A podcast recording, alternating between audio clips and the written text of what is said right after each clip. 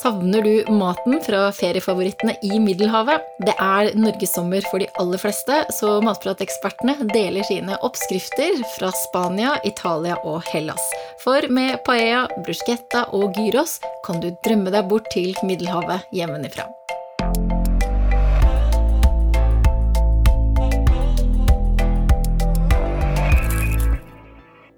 Du hører på Matpratpodden. Jeg heter Katrin Ude, og sammen med meg er matpratekspertene Therese Elstad og Cecilie Maske. Hei, hei.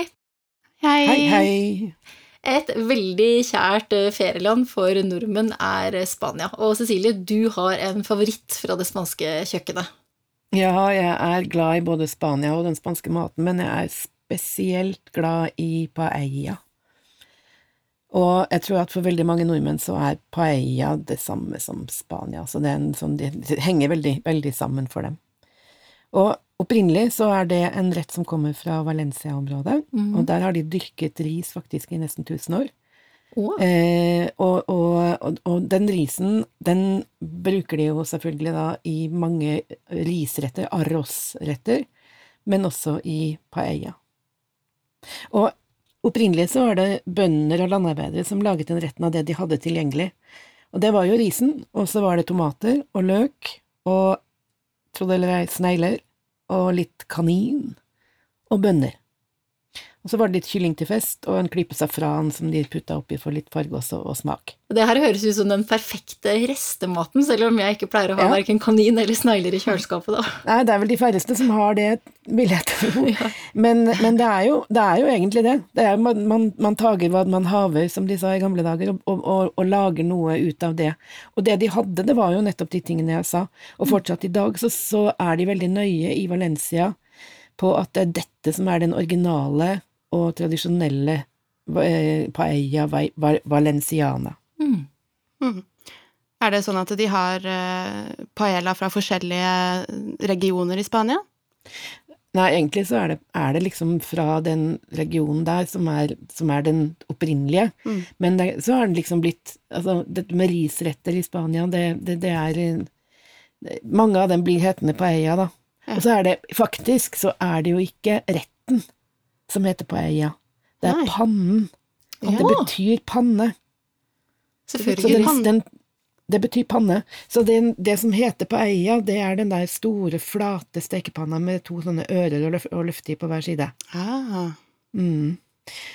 Og det vi nordmenn kanskje forbinder først og fremst med paella, det er jo eh, sjømatpaella, paella de marisco, eller paella mixta, som det er både kjøtt og sjømat i.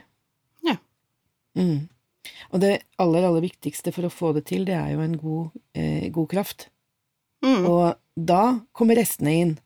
Og hvis du har hatt en rekeaften, for eksempel, hvis du skal lage det hjemme, da, hvis du har hatt en rekeaften, eller hatt skalldyr, eller hatt fisk, eller hva som helst, eller til og med om du har hatt en kylling, spist kylling eller noe annen grillmat, ta vare på beina og kok kraft. For ingenting er så godt å lage paella av som en skikkelig god kraft. Mm, det og da kan du lage av rekeskallene og kanskje litt blåskjell og resten av det som er igjen i grytene, og fiskeavskjær og alt når du, når du, når du er ute og fisker sjøl, eksempel, mm.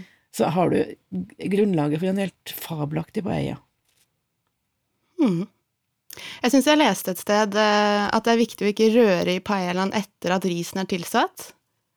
Ja, det er litt motsatt. Det er litt motsatt av uh, hvordan du lager en, uh, en risotto. Ja. Så du, da, du, du bare rører litt, men ikke mye. For det er litt viktig faktisk å få til den her fine stekeskorpen i bunnen. Ja, den litt crispy risen. De, liksom. ja, ja. ja, det er en av de få rettene i verden hvor du skal ha en sånn brent mm. stekeskorp i bunnen. Mm. Men når man skal lage paella, nå har du nevnt at man må ha en kraft, men hva er det aller første du begynner med? Altså hvis det, det, kommer an på hvis du skal ha fisk eller kjøtt. Da. Hvis du skal ha kjøtt, eksempel, så begynner man å brune, brune kjøttet i biter i litt uh, god olivenolje.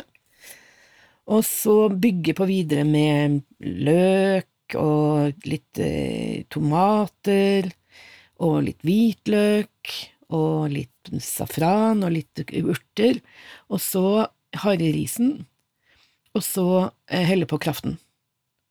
Og når du har gjort det, så kan den, den koke til all kraften har kokt inn i risen, og risen er blitt mør. og, og ferdig, og da er du egentlig på en måte eh, Da er paéen ferdig, ferdig til, til å spise.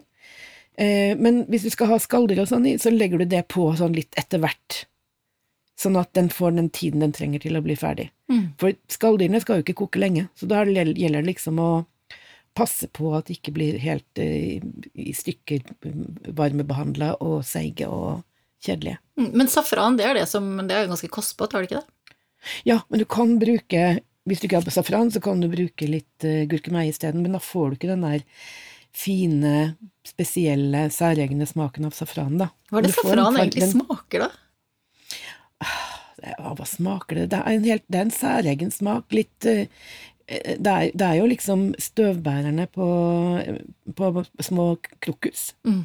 Mm. Og, og de vokser i Spania, blant annet. Og, og, og de gir en Ja, det er litt vanskelig å si, men eh, Ja, det er vanskelig. Det er, det er, en, det er en helt særegen smak. hvis Noen man er- liker det, andre liker det ikke. Ja. Og hvis man har smakt uh, lussekatter, så kjenner man jo kanskje igjen smaken. Ja, Um, faktisk. Det var litt Ja, ikke sant? tenkte Det er på. lusekake. klassiske lusekake. Mm. Ja, Men bruker de ikke gurkemeie, da, alle de som vi får smake fra, fra barnehagen og sånn? Bruker vi Det ikke ekte safran?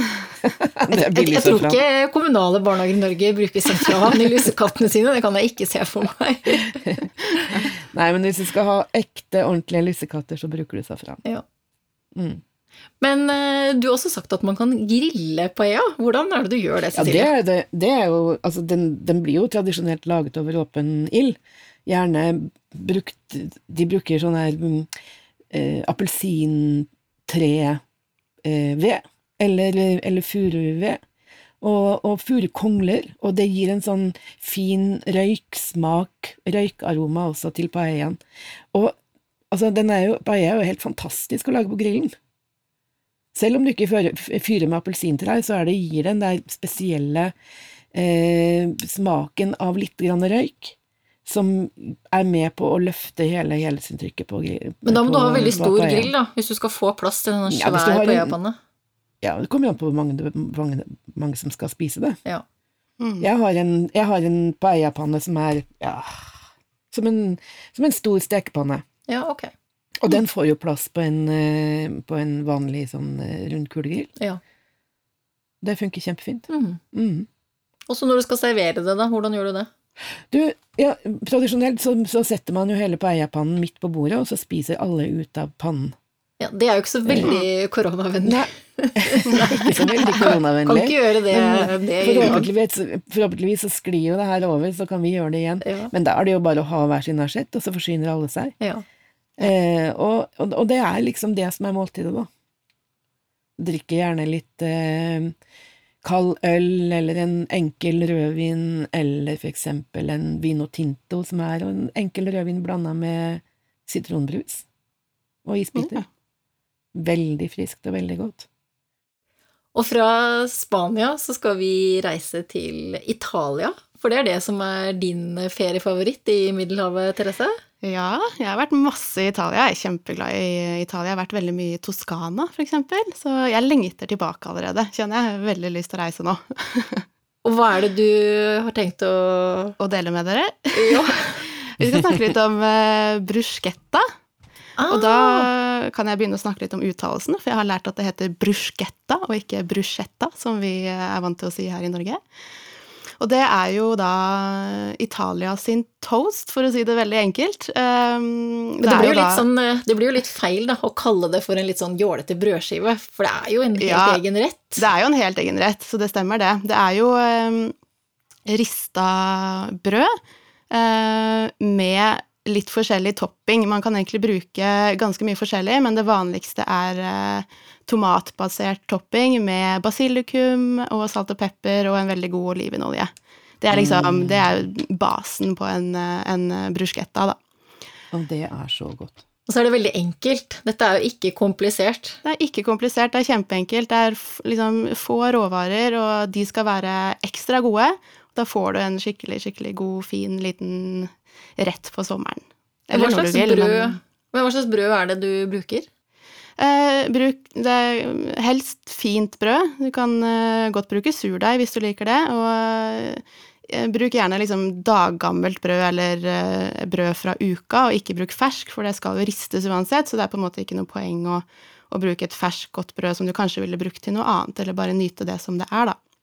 Det var lurt. Mm. Og bra restetips. Ja, bra restetips. Um, og det du gjør der, er at du rister det på en uh, kullgrill aller helst. Det er det de gjør tradisjonelt sett, for å få disse fine, svarte stripene.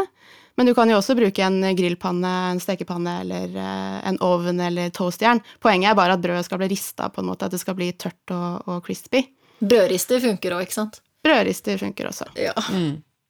Og så når du har dette rista brødet, så gnir du det inn eh, med et hvitløksfedd som du har delt i to, og så bare gnir du inn i stedet for å finhakke det. Eh, og så har du på olivenolje på dette brødet, og så har du på det fyllet du vil. Så det er liksom, du bygger opp eh, bruschettaen litt sånn lag for lag, på en måte. Jeg syns det er så genialt når man bare gnir det inn, for det, det kan fort bli liksom mye med rå Ja. hvitløk. Så det er så Ja. deilig, for det er bare en sånn en hint, en touch. Bare Ja. ikke for mye. Det er helt nydelig. Ja, ofte, Går det ikke an, å, går det ikke an å, å rive hvitløken og blande i litt olje og pensle på også, eventuelt? Jo, det går også. Det, er- Mm. det er jo også at det, det, det er jo ikke bare én måte å lage bruschetta på, på en måte. Eh, selv om dette på en måte er den klassiske metoden, så gjøres det på veldig mange forskjellige måter. Jeg fikk se en kokk en gang som lagde bruschetta på eh, tre forskjellige måter, og han lagde da denne klassiske varianten som jeg snakket om nå, og så lagde han øh, fyllet i en bolle. Så han hadde en tomat som han skjærte i små skiver eh, rett over i bollen. Rev opp basilikum, finhakket hvitløk. Hadde på masse olivenolje, og da poengterer jeg masse. han sa at det var ikke nok olivenolje.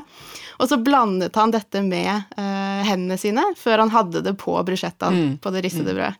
Og det syns jeg var så veldig fint og italiensk, for det, liksom det at han blandet det med hendene og jobber med hendene og bare elsker maten, liksom, det er, det er eh, molto bene, som de sier i Italia. Jeg har stort sett eh, fått uh, bruschetta med tomater, og det er jo på en måte vi kan ikke, Det er ikke noe hemmelighet at det er stor forskjell på en eh, tomat fra Middelhavet og en eh, norsk tomat. Mm. Det er stor forskjell. Um, I Italia så er vi jo vant til disse gode, fyldige, søte tomatene med masse smak, og her er vi ikke så heldige. På sommeren så har vi jo noen gode tomater eh, innimellom, men stort sett så har vi jo litt sånn litt kjedelige tomater som ikke smaker så altfor mye. Uh, og der har vi et lite tips. Vi kan tilsette litt grann sukker for å få fram sødmen i tomatene. Bare pass på å ikke ta for mye, for da blir det jo plutselig en litt annen sånn søtsmak som vi kanskje ikke vil ha. Uh, men det er jo et lite tips, da. Det er jo en superliten rett for, eh, for de som, eh, som har eh, tomatplanter i vinduskarmene eller i drivhuset, da. Ja. Det er jo mange som dyrker sine egne tomater, og de blir jo spesielt gode. De, de har De blir fått kjempegode. Ja. Ja. Så det er jo et veldig fint tips hvis du er en liten planteentusiast og har tomater på kjøkkenet, så bruk de til bruschetta. Mm. Men en annen veldig viktig ingrediens her, det er jo olivenoljen, og der er det lett å, å gå seg vill. Ja, og det er jo eh, egentlig en kjempeviktig ingrediens, men der må man nesten gjøre en liten sånn eh, researchjobb selv med å finne ut hvilken type olivenolje man selv liker. For det er så stor, eh, stor forskjell på de som er kjempemilde, og de som er veldig sterke i smak, da. Så det du kan gjøre, er eh, når det åpner litt mer opp, at man kan gå til en butikk som selger eh, gode olivenoljer, og spørre om eh, smaksprøver. Veldig ofte så har de jo dette i butikkene stående ute, men det er ikke sikkert de har det nå for tiden. Um, og hvis du finner deg i Italia, eksempel, så er det jo noen som driver med sånn olivenoljesmaking, som man kan dra på hvis man har lyst til det etter hvert. Så og gjøre en liten researchjobb der, da. Eh, og så kan det være en god idé å sjekke opprinnelseslandet på olivenoljen du kjøper, sånn at du er sikker på at det kommer fra det landet du ønsker å kjøpe fra, da. Vi har jo også noen eh, veldig gode norske råvarer som passer bra til eh, bruschetta. Eksempel en norsk spekeskinke og gode oster og norske urter og ja, masse forskjellig. Så man kan være ganske kreativ når det kommer til å lage en bruschetta her hjemme. Mm. Eh, Hellas og de greske øyene, det er jo min eh, favoritt for sommerferie. Og gresk salat, det er noe som jeg aldri får eh, nok av. Det er liksom friske grønnsaker, det er litt salt fetaost, kalamatoliven og en deilig olivenolje og litt oregano. Og før så var det en sånn en gresk butikk ikke så veldig langt fra der jeg bor, og der fikk jeg tak i gresk oregano, jeg fikk greske tomater, feta, oliven Altså, jeg tror jeg spiste gresk salat i flere uker. Nå er den butikken dessverre lagt ned. Bare den der, den der greske oreganoen, den der greske tørka oreganoen, gir en helt spesiell, særegen smak. Mm, Virkelig. Det var, jeg ble overrasket over hvor stor forskjell det var på den og den jeg fikk kjøpt. Ja. Ja. Mm.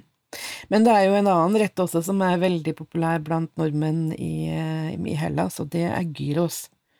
Ikke sant? ja, den kan man jo også ha sammen med gresk salat. ja, ja, den er jo helt super å ha sammen med, sammen med gresk salat. Og det er jo e- faktisk egentlig så er jo det en form for sånn døner-kebab, ikke sant, der du, der du trer eh, marinert kjøtt på lange grillspyd og så griller som, eh, sånn, på et sånt stående grillspyd som går rundt og blir grillet fra, fra sidene. Men hva slags kjøtt Eh, er det som brukes i gyros, da? Fordi de er jo veldig Altså- glad i lam i Hellas. For jeg spiser jo alltid sånne grilla lammekoteletter når jeg er der. Ja, men faktisk så er det i, i gyros så bruker de faktisk mest svinekjøtt. Oh, ja. Eh, Men det er ikke noe i veien for at du kan spise, bruke akkurat, eh, akkurat det kjøttslaget du vil, både kylling og storfe og lam, som du sier. Og personlig så må jeg si at jeg foretrekker lammekjøtt, jeg også. Jeg syns at, at norsk lammekjøtt er helt supert i gyros, for det, er, det er, har en veldig deilig egensmak. Og så er det jo alltid mørkt. Mm. Og så er det jo supert å bruke lammeskav skav i gyrosen, for det er, de, altså det er jo de færreste som har sånn her stående grillspyd, ikke sant, og lager, den, lager det på den tradisjonelle måten, så det går jo fint an å, å steike det i stekepannen eller i, i ovnen. Og det lammeskavet er jo fantastisk å bruke, fordi at det er eh, Det skal stekes først, og så skal du ha en marinade på det, så skal det stå og koke inn i den her marinaden eller sausen. Og den marinaden, den lager du av løk og hvitløk og urter og olje, og så blir den bare helt over det brunede kjøttet, og så står det der og surrer til kjøttet er skikkelig mørt. En veldig Hvor lenge da? Sånn ja, hvor lang tid? Altså, det tar en 20-25-30 minutter, kanskje, på litt sånn ikke veldig hard varme. mm. Middels varme. Mm. Eh, og og da, da, da bl- blander de her gode, gode smakene seg skikkelig godt, og så er det da Da er det faktisk Da er kjøttet ferdig. Og mens kjøttet koser seg, så kan du jo lage denne vidunderlige greske salaten, og så du, kan du lage en tzatziki fra bunnen av. Å, det er så godt! Det er er det kjempegodt. godt. Ja. Ja.